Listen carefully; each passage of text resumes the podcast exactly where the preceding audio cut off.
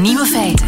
Dag en welkom bij de podcast van Nieuwe Feiten van 18 februari 2021. In het nieuws vandaag dat Ieren massaal naar Tenerife trekken. Om daar naar de tandarts te gaan. In Ierland geldt, net als bij ons, een verbod op niet-essentiële reizen naar het buitenland. Alleen om familiale, beroepsmatige of medische redenen mag je op reis en dus vertrekken er opvallend veel Ieren richting de zon met een afgeprinte e-mail die hun afspraak bevestigt bij een Tenerifse tandarts. Een derde van alle reizigers richting Tenerife zou daar een tandartsafspraak hebben. Helaas voor die tandartsen komen hun Ierse patiënten nooit opdagen.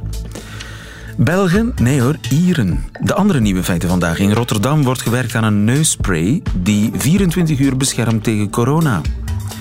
De Universiteit van Wageningen is op zoek naar dode muggen. Elke generatie danst op de muziek van de late jaren 70. En Martin Scorsese zegt dat Netflix de zevende kunst kapot maakt. De nieuwe feiten van Nico Dijkshoorn hoort u in zijn middagjournaal. Veel plezier. Nieuwe feiten. Even een neusspray gebruiken en je kan zonder zorgen coronavrij naar een concert. Dat zou de bedoeling zijn dankzij Rick de Zwart. Goedemiddag, Rick. Goedemiddag. Jij en je collega's van het Erasmus Medisch Centrum in uh, Rotterdam, het UZ in Rotterdam, jullie hebben een neusspray ontwikkeld die me 24 uur lang moet beschermen tegen corona. Ja, dat klopt. Dat hebben we overigens niet alleen gedaan. Dus het is een internationaal uh, onderzoek. Uh, maar uh, inderdaad, dit middel kan, kan 24 uur bescherming geven. En dat zit in de neus. En voorkomt eigenlijk dat het virus onze cellen binnen kan dringen. En hoe werkt dat? Nou, uh, een, een, coronavirus heeft een soort van vetmanteltje en dat hebben onze cellen ook. En om onze cel binnen te dringen, moet het coronavirus die vetmantel van het virus laten versmelten met de, uh, de vetmantel van onze cellen. En daar gebruikt het het spike-eiwit voor. En dat, zit ook, dat, dat is het eiwit wat ook in alle vaccins zit. Uh, dat spike-eiwit moet om die, die fusie, om dat versmelten te bewerkstelligen, moet het van vorm veranderen. En eigenlijk zijn er dan twee onderdelen van het eiwit die als het ware als een soort van ritsluiting in elkaar uh, ritsen. En ons middeltje gaat daar precies tussen zitten. Dus die voorkomt die vormverandering en daardoor kan het virus niet de cellen binnenkomen. En is de neus de toegangspoort voor het coronavirus?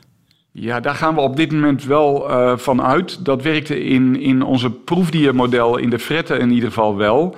Uh, het zal uiteindelijk nog moeten blijken of dat ook in mensen zo is. Uh, als het uh, virus in staat is in mensen om die neus te passeren en rechtstreeks in de longen binnen te komen, dan zal die neusspray natuurlijk niet het antwoord zijn. En dan zouden we dat middeltje misschien wel met een soort van pufje moeten geven, waardoor het ook in de longen terechtkomt. Ja, maar bij fretten werkt het. Bij fretten uh, werkt het. Ja, dus uh, wat we gedaan hebben is dat we zes fretten behandeld hebben met dit middeltje en zes fretten, fretten met een controlemiddeltje. En vervolgens hebben ze 24 uur lang gehuisvest samen met geïnfecteerde dieren. En al die controlefretten raakten daarbij geïnfecteerd. Uh, en geen één van onze behandelde dieren werd geïnfecteerd. Geen dus enkele? Daar... Dus die bescherming was eigenlijk 100%? Die was in dit experiment 100%, ja. Dat is zeer indrukwekkend. Uh, maar dus het werkt 24 uur. Ja, hoe lang het precies werkt uh, is op dit moment nog heel moeilijk te zeggen. Wij hebben het in 24 uur getest. Dus we hebben ze vier dagen achter elkaar één keer per dag dat middeltje in hun neus gegeven. Uh, en uh, in, in toekomstige experimenten moeten we nog wat verder uitzoeken of dat misschien nog iets langer zou kunnen duren. Maar het, het zal ergens tussen de één en de twee dagen zitten. Ja. Maar stel dat die spray er vandaag al zou zijn en hij zou inderdaad blijken te werken op mensen, niet alleen op fretten, ja, dan kan, dan kan het land weer open. Dan, kan, dan kunnen de cafés en de restaurants en de sportcentra en de, en, de, en de concerten en de festivals, dat kan allemaal weer doorgaan. Want ja, niemand wordt nog ziek. Ja, dat, dat gaan we helaas vandaag niet meer redden. Uh, maar dat zou wel uh, een hele mooie optie zijn. Kijk, wij denken in eerste instantie vooral aan risicosituaties van mensen die bijvoorbeeld naar een ziekenhuis moeten of mensen die echt per se op reis moeten. Maar uiteindelijk kan je zeker ook uh, denken aan die toepassingen als een concertbezoek of een theaterbezoek. Wat we nog niet weten op dit moment is hoe vaak achter elkaar je dit middel uh, kan gebruiken. Dus ook dat zullen we moeten zien. Kijk, nadat het uitgewerkt is, ben je dus weer volledig vatbaar voor het middel. En dat is natuurlijk heel anders dan bij een vaccin, ja. waarbij antistoffen gemaakt worden en het, het afweersysteem wordt getraind. Uh, dus dat geeft een veel langduriger uh, bescherming. Ja, en de vraag is of je bij wijze van spreken continu die spray kunt gebruiken. Precies, ja. Ik denk dat je eerder zou moeten denken aan, aan hoogrisicosituaties dan als je, dat je dit dagelijks zou moeten gebruiken. Ja. Wat we hopen eigenlijk is dat we op een gegeven moment zullen we door, dat, door die vaccins die, die dat virus steeds verder terugdringen. En misschien als er dan ergens toch weer uitbraken zijn, kunnen we daar heel specifiek naartoe en de mensen die daaromheen zitten allemaal deze spray uh, beschikbaar stellen. Zodat we het virus meteen weer in kunnen dammen. Ja. Want het klinkt allemaal heel hoopgevend. Uh, het grootste probleem lijkt mij de timing. Uh, dat is uh, zeker het geval. Ja, wij, Hoe lang heb je nog nodig? Moment, ja, wij, wij, denken eigenlijk dat we echt wel een half jaar nodig hebben voordat we toestemming krijgen om het in mensen te gaan testen. En dan nog zal je dus eerst die veiligheid en werkzaamheid moeten aantonen. En dan moet je nog voldoende kunnen produceren. Dus ja, tussen een half jaar en een jaar gaat het naar verwachting wel duren. Hoewel in zo'n uitbraak gebeuren er ook vreemde dingen, dan, dan blijkt als, als een middel, als het echt in mensen zou werken, denk ik ook wel dat er mogelijkheden zijn om, om die processen versneld te doorlopen. Juist, ja. Dus, maar hoe dan ook zitten we spreken over ja, ten vroegste over een jaar. Ja. Nu, uh, zou het kunnen dat het ook voor andere virussen werkt of gemuteerde virussen? Klopt, ja. Dus uh, er is nu natuurlijk veel te doen over die, die uh, varianten van het virus die opduiken op verschillende plaatsen in de wereld. Uh, wat wij tot nu toe, dat hebben we niet in dieren getest, maar wel in cellen getest, kunnen we laten zien dat het middeltje op die varianten net zo goed werkt als op het, nou, zeg maar de oerversie van het coronavirus, die, die vorig jaar in Europa binnen is gekomen. Maar je kan ook denken inderdaad op de lange termijn. We hebben nu te maken met een coronapandemie. Maar we hebben inmiddels allemaal wel begrepen, denk ik, dat er op, op termijn risico is dat er nog wel vaker van dit soort pandemieën eh, gaan optreden. En ditzelfde middel, niet precies dezelfde eiwitsequentie, maar wel een vergelijkbaar middel, is ook uh, werkzaam tegen andere luchtwegvirussen. Dus mogelijk zouden we dan bij een volgende uitbraak veel sneller zo'n middel klaar kunnen hebben om het al in een vroege stadium van de uitbraak uh, te gebruiken om, om uh, het virus in te dammen. Ik duim, Rick de Zwart. Dankjewel, goedemiddag. Dank u wel, dag. Nieuwe feiten. Radio 1. Merkwaardige oproep van de Universiteit van Wageningen in Nederland. Met name deze. Sla een mug dood en stuur haar op. Arnold van Vliet, goedemiddag. Goedemiddag. U bent de, de muggenspecialist van uh, de Universiteit van Wageningen en de man achter deze muggenmap-campagne. Ja. Ik, ik, hoop eerlijk gezegd, Arnold, dat er geen boeddhisten luisteren, want die vinden zelfs het doodmappen van een mug niet kunnen. Maar de meeste mensen vinden dat wel, hè, geloof ik. Nou, ik denk eh, niet dat er heel veel mensen moeite mee zullen hebben dat ze, en ook nog niet zeker als het voor de wetenschap is, als ze een, uh, een mug mogen doodslaan. En hoeveel dode muggen heeft u nodig? Ja, hoe meer hoe beter is het in, uh, in dat uh, opzicht. Uh, Minstens toch een paar honderd.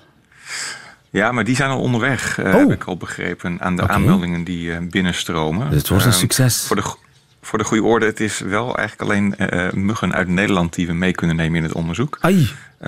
maar de resultaten zullen net zo relevant zijn ook voor, voor België als dat het voor Nederland zal zijn. Dus u wil mijn muggen helemaal niet? Ik zou het heel graag willen, maar we, we moeten het wel behapbaar blijven. En ik, ja, het is heel spannend, want hoeveel er binnen gaan komen. Uh, wat ik al zei, in, in nou, ik, ik, stuur ze toch op, dan zie je maar wat je ermee doet. Misschien kun je een apart Belgisch, apart Belgisch luik aan je onderzoek breien. Wat probeer je te weten te komen? Nou, wij willen weten een aantal vragen. Allereerst van waar komen nu welke muggensoorten voor? Um, en zelfs als ze platgeslagen worden of met zo'n elektrische vliegenmapper uh, geëlectrocuteerd worden, dan nog kunnen wij dat bepalen, onder andere op basis van DNA-analyse. Dus ze mogen verbrijzeld zijn? ja, want het is toch de grote uitdaging uh, aan de vangerkant om, om, om de bug te vangen. Er zullen genoeg mensen ook ervaring mee hebben dat dat best wel lastig kan zijn af en toe. Um, dus we willen weten van... Uh, Welke soort, komt waar voor? Zijn er eigenlijk veel muggen? Het is winter, hè? Zijn er veel muggen? Ja, uh, nou sowieso hebben we in Nederland, in Nederland en dus waarschijnlijk ook België zo'n 40 verschillende soorten steekmuggen. Want het gaat over de steekmuggen. maar we hebben ook de afgelopen uh, weken gezien dat, en dat zien we de afgelopen jaren steeds vaker, ook in de wintermaanden, dat mensen muggenoverlast ervaren.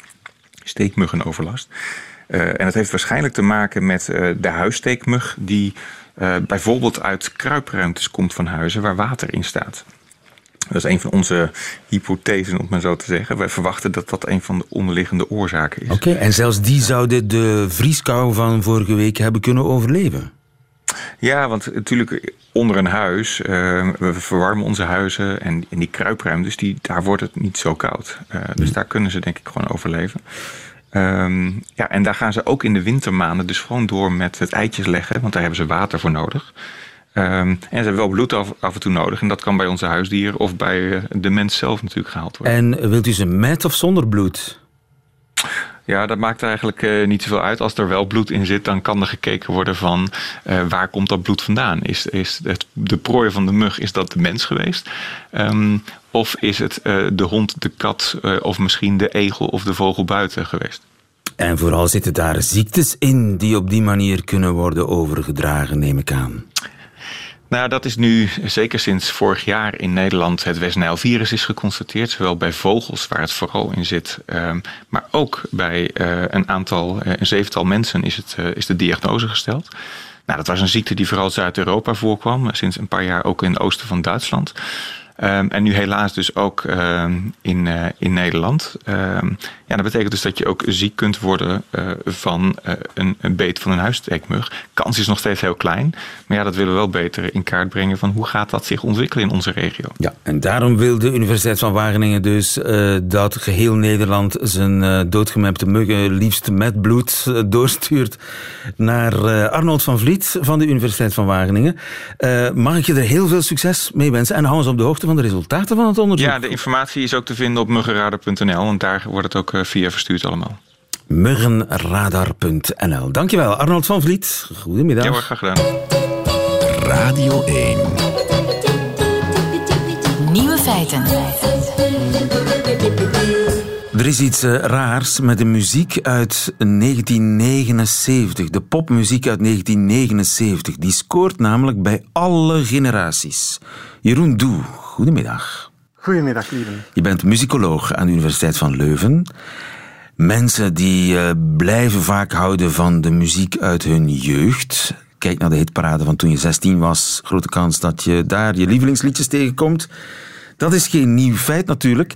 Maar nu blijkt uit onderzoek dat er een periode is die bij iedereen scoort. En die periode die is de overgang zeg maar, van de jaren 70 naar de jaren 80. Zelfs bij mensen die toen nog niet eens geboren waren. Verbaast jou dat? Nee, het verbaast mij niet eigenlijk. Ik vind het een eh, heel eh, logisch verschijnsel.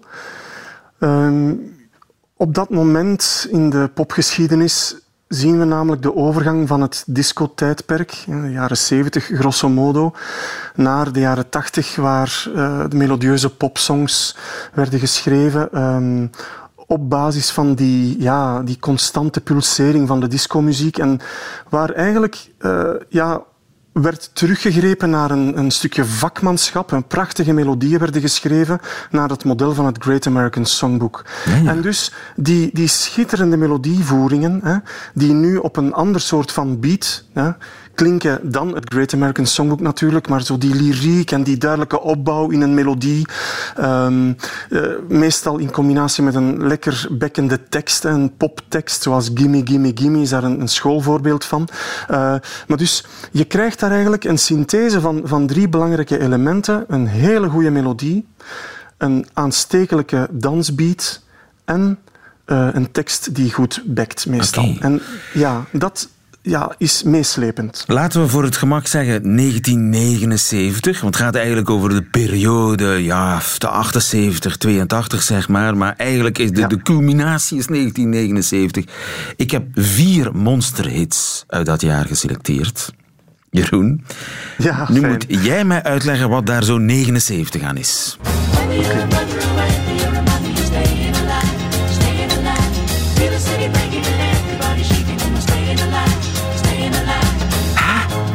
Onmogelijk om niet mee te doen, hè? Ja, inderdaad. Waar zit het 79-achtige van dit nummer aan? Wel, in de eerste plaats denk ik dat je moet luisteren naar die poem, poem, poem, poem. Die dat is de hartslag is dat, hè? Nee, want dat wordt toch altijd gebruikt bij de EHBO-cursus? ja, inderdaad. En men heeft onderzoek gedaan, lieven naar de relatie tussen het goed gevoel dat je hebt uh, bij het beluisteren en dansen op deze muziek en gewoon andere activiteiten waar de, waar de hartslag dus uh, eh, 120 of 140 per minuut uh, hè, telt. En dat is meestal een, een, een, staat van roes door te sporten of een, of een activiteit zoals dansen ja, ja. of je op te winden. Dat een kan licht verhoogde hartslag. Ja, ja, ja. En dus die muziek geeft ons die roes, kort samengevat. Ja, geweldig melodietje, leuk gezongen, maar nog echte pure disco, hè, die Bee Gees. Maar dit is toch nog iets anders.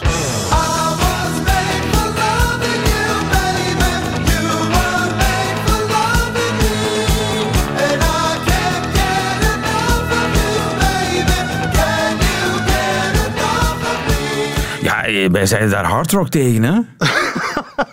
Ja, lach maar. Dat jullie, ja, inderdaad. Ik, ik ben ook van jouw generatie. En ik was 13, hè, 1979. Ja, ja, en dat, dat was, ja, inderdaad. En dat, ik vond dat te ruig en te, te veel, uh, inderdaad, ik niet, hoor. rock. Nee.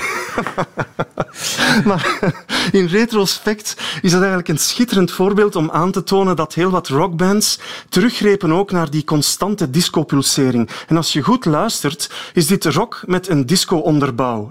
Dus die, die, die, ja, dat is dansbare rock en dat, ja, dat is daarom is dat eigenlijk zo, zo aanstekelijk en, en is dat zo'n hit geweest natuurlijk. Ja, het, is, het is eigenlijk ook een slager, hè? Je zou, je zou daar een slagerversie van kunnen maken. Vanwege de sterke melodie, ja, uiteraard. Hè? Ja, ja, ja. En ik was Zeker. gemaakt om van jou te houden. Enfin, whatever.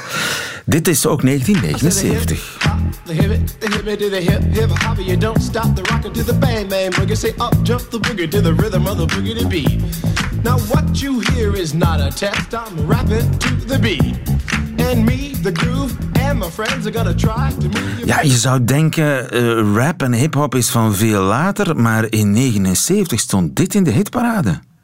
Klopt, ja, dit is een van de eerste rap-songs. Uh, maar we mogen niet vergeten dat, dat hip-hop echt een rechtstreekse doorgroei was van de disco. Hè. Dus in, de, in het underground circuit in New York en dan in uh, Detroit en Chicago kort daarna waren DJ's uh, al snel bezig met het samplen van beats, heel vaak disco-beats, waarop dan rappers hun teksten declameerden. En dus eigenlijk is dat heel organisch ontstaan, hip-hop vanuit die disco-traditie. En je merkt dat hier, als dat een nummer is uit 79, klinkt mij dat zeer logisch in de oren. Maar natuurlijk, die grote golf met, met de hip-hop cultuur, die komt inderdaad wat later. Hè? Ja. ja. maar het is dus bij uitstek uh, een jaar van hybride muziek, waarbij uh, hard rock een disco-saus krijgt, waarbij uh, ja, rappers een disco-saus krijgen. en dan is natuurlijk ook 1979 een topjaar voor deze groep.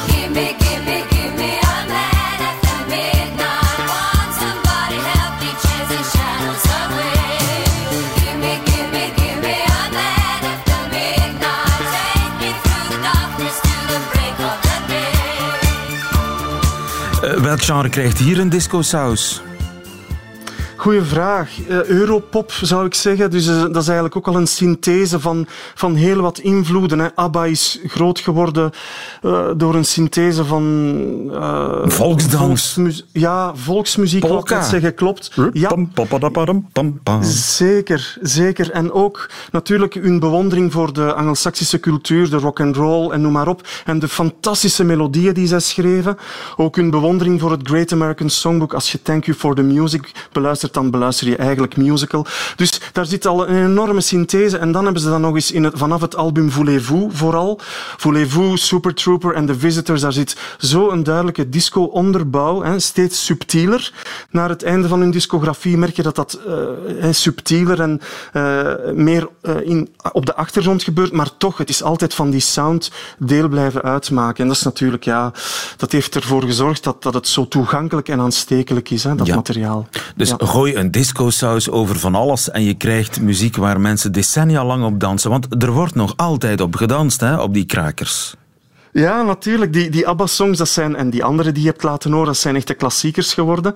Maar laten we niet vergeten dat het veel meer is dan een, dan een leuke beat. Hè? Want er zijn zoveel songs inmiddels vergeten die gewoon destijds uh, ja, leuk waren om op te dansen in een discotheek, maar die dan geen goede melodie hadden. En ik denk dat het echt die melodie is die overeind blijft. En die 20, 30, 40 jaar later nog altijd ervoor zorgt dat je de, dat je de radio luider zet als je die gimme, gimme, gimme-achtige songs hoort. Ja, het was de zoektocht naar de, dat melodietje dat mensen zouden gaan fluiten.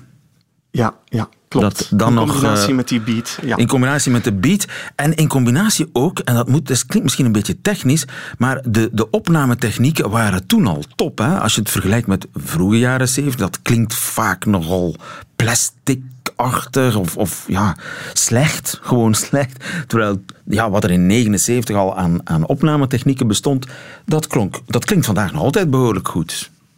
Inderdaad, ja. Niet alleen de studiotechniek was enorm geëvolueerd, maar ook men had toegang tot, tot uh, de eerste orkestrale samplers. Hè, en, en, en, dus, en de, dus de synthesizers die, die orkesten konden imiteren op een heel geloofwaardige manier, waardoor heel vaak arrangementen heel fijn konden uitgewerkt worden. Dus ook dat heeft bijgedragen inderdaad tot, tot de kwaliteit van de muziek uit die periode. Ja. Klopt. En dat is waarom studenten vandaag nauwelijks nog dansen op muziek uit de jaren 60. maar wel nog uit 1979. Waarmee ja, ik denk het ook. een groot ja, mysterie is opgelost dankzij muzikoloog Jeroen Doe. Dank, Doe, dankjewel. Goedemiddag. Dank u. Goeiedag. Radio 1. Nieuwe feiten. Martin Scorsese, de New Yorkse filmkoning, die is kwaad op Netflix. Hij heeft een soort van j'accuse geschreven tegen de streamingdienst die de zevende kunst volgens hem kapot zou maken. Lieve trio, goedemiddag. Dag lieve, goedemiddag. Onze filmjournalist, dat is nogal wat, hè? Martin Scorsese, ja. die, het is, dat is toch een beetje de grootste nog levende filmmaker. Ik overdrijf, maar dat scheelt niet veel. het scheelt inderdaad niet veel. Het is een uh, levende legende, absoluut, die veel verschillende fases van de evolutie van, het, uh, van de zevende kunst heeft doorgemaakt. Dat klopt. En die ook films heeft gemaakt voor Netflix. Ja, dat klopt. En dat uh, zou je inderdaad tegenstrijdig kunnen noemen. Dat hij, wordt toch door sommigen beweerd. Hij bijt de hand die hem voedt. Ja, ja, ja, dat wordt zo inderdaad ervaren. Ik vind dat juist een teken van moed, uh, Lieven. Want uh, dus zijn kritiek op streaming... Um, er zijn er dan sommigen die zeggen van hij heeft toch zelf The Irishman gemaakt voor Netflix enzovoort. Uh, dat schrijft hij zelf ook trouwens. Hè, in dat essay hij is zich daar bewust van. Hè, van die schijnbare paradox. Hij heeft The Irishman gemaakt voor een hele hoop geld die hij alleen maar bij Netflix kon krijgen. Er zaten nogal wat speciale effecten in die film en zo. Um, maar ik zou dat dus inderdaad dapper noemen. Hè, want hij durft die, zijn broodheer, of toch voor die ene film, uh, durft hij ook nog altijd in vraag stellen. Uh, hij, ja. hij, blijft gewoon zijn analyses maken zoals het is. Dat is een teken van onafhankelijkheid ja. om dat te doen natuurlijk. Um, en niet van hypocrisie. Maar uh, wat heeft Netflix misdaan? Mm -hmm. um, ze doen sommige dingen goed en andere dingen doen ze wat minder goed. Wat uh, Scorsese hen eigenlijk verwijt, is dat er geen uh, curering meer bestaat. Of dat er toch uh, dat alles een beetje op hetzelfde niveau wordt. dat is een, misschien een lelijk woord om iets heel moois te zeggen uiteindelijk. Hè. Dat wil zeggen dat iemand vanuit zijn eigen ervaringen zegt van kijk, dit vind ik mooi en dit denk ik dat jij ook mooi zal vinden. Um, en kan dat niet vroeger... met Netflix? Dat gebeurt in de praktijk vrij weinig. Er is niet echt een vorm van curering, behalve dan wat de, de ja, beslissingsmakers, de beleidsmakers bij Netflix denken dat zal werken. Um, dat is ook een vorm van curering, maar de standaarden of de criteria daarbij zijn toch vooral uh, wat ze denken dat het grootste publiek zal aanspreken, of meer specifiek, en daar hebben we het vorige keer al eens over gehad, wat er uh, nieuwe abonnees zou kunnen naar hen brengen en wat die ook daar zou, zou kunnen houden. Ja. Dus in de praktijk betekent dat... Um, maar wat is het verschil met vroeger? De grote filmstudio's die die, die dachten toch ook in commerciële termen. Wat zal het goed doen in de cinema? Dat is zeker en vast waar. Um, maar nu krijg je natuurlijk het fenomeen dat je een, een dat is een, een, een platform, het gaat natuurlijk niet alleen over uh, Netflix, het gaat ook over andere uh, streamingplatformen. Dat zijn platformen die willen groeien en die echt een zo breed mogelijk spectrum aan kijkers willen lokken. En dat doe je dan bijvoorbeeld door hele ja, oppervlakkige, vlot wegkijkende series te lanceren, die, die een, bepaald um, soort publiek zal lokken. Maar anderzijds doe je dat ook door bijvoorbeeld van die hele prestigieuze projecten te gaan maken. En dat is dan natuurlijk het positieve effect. Ze hebben een aantal films ook gemaakt Netflix dan, die uh, andere studio's vandaag gewoon niet meer zouden maken wegens te, te duur of te riskant. Uh, bijvoorbeeld The Irishman. Hè. En dat, dat zijn dan zo wat de, de, de prestigieuze uithangborden, hè, dus die dan de meerwaardezoeker ook naar Netflix moeten lokken. Ja. Dus er zit wat van alles tussen, maar het gaat toch vooral om, ja, de, de, het, moet, uh, vooral, het mag vooral niet te veel tegen de borst stoten. Um, er, er moet, want natuurlijk, wat is, het, wat is de, het leiden, de leidraad eigenlijk door Netflix? Is dat algoritme, dat fameuze algoritme. En dat, dat, en dat kan zeggen... verfijnder op zoek gaan naar de smaak van de kijker dan vroeger. Ja, gewoon koopt hij een kaartje of geen kaartje. Ja, maar het is ook nog iets anders. Want um, vroeger had je bijvoorbeeld, uh, en dat bestaat nog altijd, maar heeft, uh, ja, heeft het wat moeilijker tegenwoordig, die fameuze arthouse uh, cinemas en zo. Dat is bijvoorbeeld ook hoe Scorsese dat essay van hem, waar het over gaat, begint. Hè. Hij beschrijft een scène waar hij door de straat van, van New York rondloopt in 1959 en dat hij op elke hoek van de straat een andere arthouse cinema ziet waar dan de, de, de prachtigste internationale films worden geprogrammeerd. Um, en dat was dus situatie toen. Wat je op Netflix hebt, is iets helemaal anders. Daar uh, zit een enorme vergaarbak aan uh, content, zoals dat vandaag dan heet, met een, een woord dat Scorsese terecht heel lelijk vindt. Maar um, je, ofwel geraak je er niet bij, ofwel word je gewoon gegidst naar iets dat lijkt op het vorige dat je hebt gezien. Hè. Dat is eigenlijk het nut van dat algoritme. Um, dat, dat, ziet wat jij al hebt bekeken, hoe lang je daarnaar hebt gekeken enzovoort. En er zullen nog een aantal parameters zijn. En op basis daarvan gaat het dan suggereren van misschien vind jij dit wel uh, leuk. Maar dat gaat dan over vooral iets voorstellen dat in de lijn ligt van wat je al kent. En dat is toch een groot verschil met uh, cureren. Cureren gaat ook over nieuwe dingen laten ontdekken, yes. verrassingen. En dat Cureren is wat toch een beetje ontbreekt. over eh, de commerciële logica. De commerciële logica is, ik ga aan de klant geven waarvan ik weet dat hij het lekker vindt. Dus exact. Het, en, dat, ja. en, en die hele slimme algoritmes, die suggereren je alsmaar dingen die lijken op wat je al gezien hebt. Ja, ja, ja Waardoor precies. je een, een nivellering naar beneden krijgt. En vroeger, toen er nog een levendig bioscoopleven was, waren er arthouse cinemas die aan die commerciële gigantische logica ontsnapten. En nu is Ja, er eigenlijk geen ontsnappen meer aan. Dat klopt inderdaad ongeveer wat je zegt. Met dat verschil natuurlijk dat, je zei daarnet ook al, van de, de, de cinemas willen natuurlijk ook, of er is toch ook altijd wel die kant van de filmindustrie geweest die, die gewoon winst willen maken, uiteraard. En dat is ook, Scorsese natuurlijk komt uit New Hollywood. En New Hollywood was in de jaren, eind jaren 60, begin jaren 70 in Amerika een soort nieuwe frisse wind door de, door, door de cinema, de Amerikaanse cinema. Jonge gasten die met kleine budgetten heel verfrissende, gedurfde cinema maakten, die op dat moment dan ook heel veel succes oogsten, omdat daar een grote honger naar was. Um, en die zijn op een bepaald moment dan eigenlijk ingehaald door een, nieuwe, een nieuw model, een nieuw Yes. filmmodel, de, de blockbuster. Uh, Maar zo een, een, dat- een laboratoriumterrein binnen die streamingdiensten, dat bestaat niet. Wel, jawel eigenlijk. Dus er zijn ook andere Wat is dan eigenlijk het probleem? Ehm, dat degene die de industrie domineert op dit moment, of toch heel erg domineert, hè, want dat, dat is een beetje het ding. Het gaat over die grote platformen die, zeker in deze tijden, hè, lief, in, in, in coronatijd zijn Netflix en eh, consorten nog veel machtiger geworden en domineren die nog veel meer wat wij eh, consumeren, om het nog eens met een lelijk woord te zeggen. Er zijn ook andere alternatieven. Je hebt bijvoorbeeld Mubi, wat een heel erg knap eh, platform is. Ook streaming, ook online, gewoon films bekijken. Maar daar zit wel een curering achter. Daar zit een heel... Daar ja, daar zitten mensen, mensen met een liefde voor film. Ja, een ontdekking, daar gaat het vooral om. Ontdekking, nieuwsgierigheid naar, naar dingen die je nog niet kent, die je verrassen, die je eh, ja, een, een andere blik op de wereld eh, kunnen geven. Ehm, ja, die een soort van leidende hand aanreiken, die je dan kan kiezen of je die aanpakt of niet. Ja, en dat is dus bij Netflix, zin, eh, soms ontbreekt dat wat. Dus heeft, heeft hij wel een punt dat, bij, dat Netflix eigenlijk de, het avontuur doodmapt. Een beetje wel, daar komt het eigenlijk op neer. Het is moeilijker om verrast te worden bij iets als Netflix dan uh, ja, in de oude cinemas of uh, op die andere streaming services die er ook bestaan. Lieve trio, dankjewel. Goedemiddag. Graag gedaan. Ziezo, dat waren ze, de nieuwe feiten van 18 februari 2021. Alleen nog die van Nico Dijkshoorn krijgt u in zijn middagjournaal. Nieuwe feiten.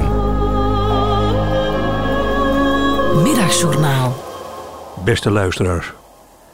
Gisterenmiddag liep ik met mijn dochter door Leiden en voelde ik twee keer iets wat ik nog nooit eerder had gevoeld. Ik voelde trots.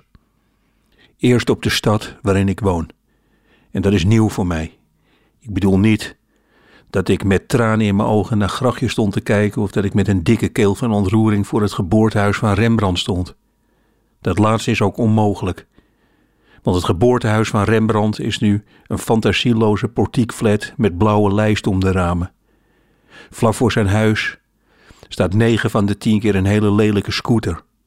Op een pleintje voor het huis staat een beeld dat op een namiddag door iemand met een doodswens in elkaar is gekleid. Om dus te zeggen dat het Leiden zijn bekendste inwoner eert, nee. Ik was trots op de Singelroute. Dat is een wandeling om de stad heen, steeds aan de binnenkant van het water dat net buiten het oude centrum ligt. En die trots, die verraste mij. Ik stond met mijn dochter op een nieuw bruggetje en ik zei: Dit hebben ze dus speciaal gemaakt zodat je niet meer om hoeft te lopen.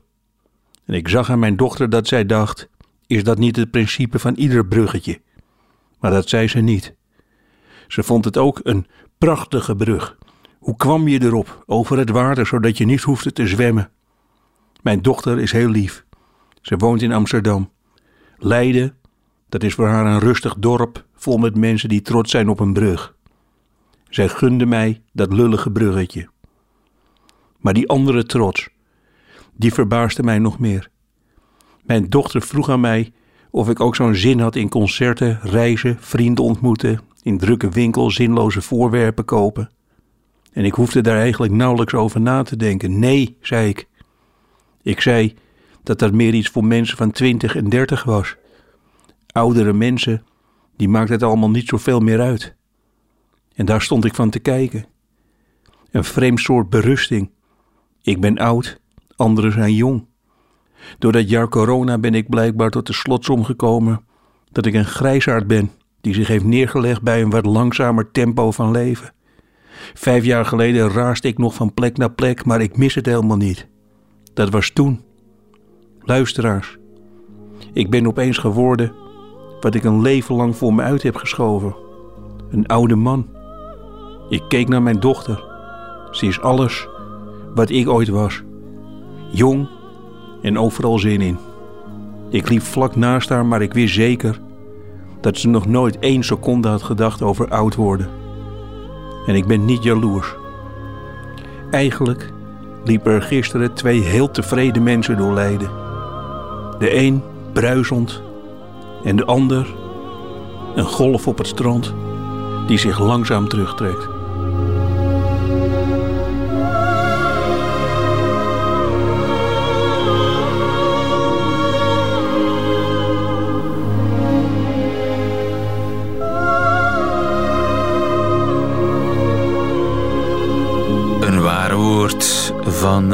Nico Dijkshoorn. Einde van deze podcast. Eh, hoort u liever de volledige uitzending van Nieuwe Feiten met een gezellige muziek erbij? Dat kan natuurlijk via onze Radio 1 app of via de Radio 1 website radio1.be.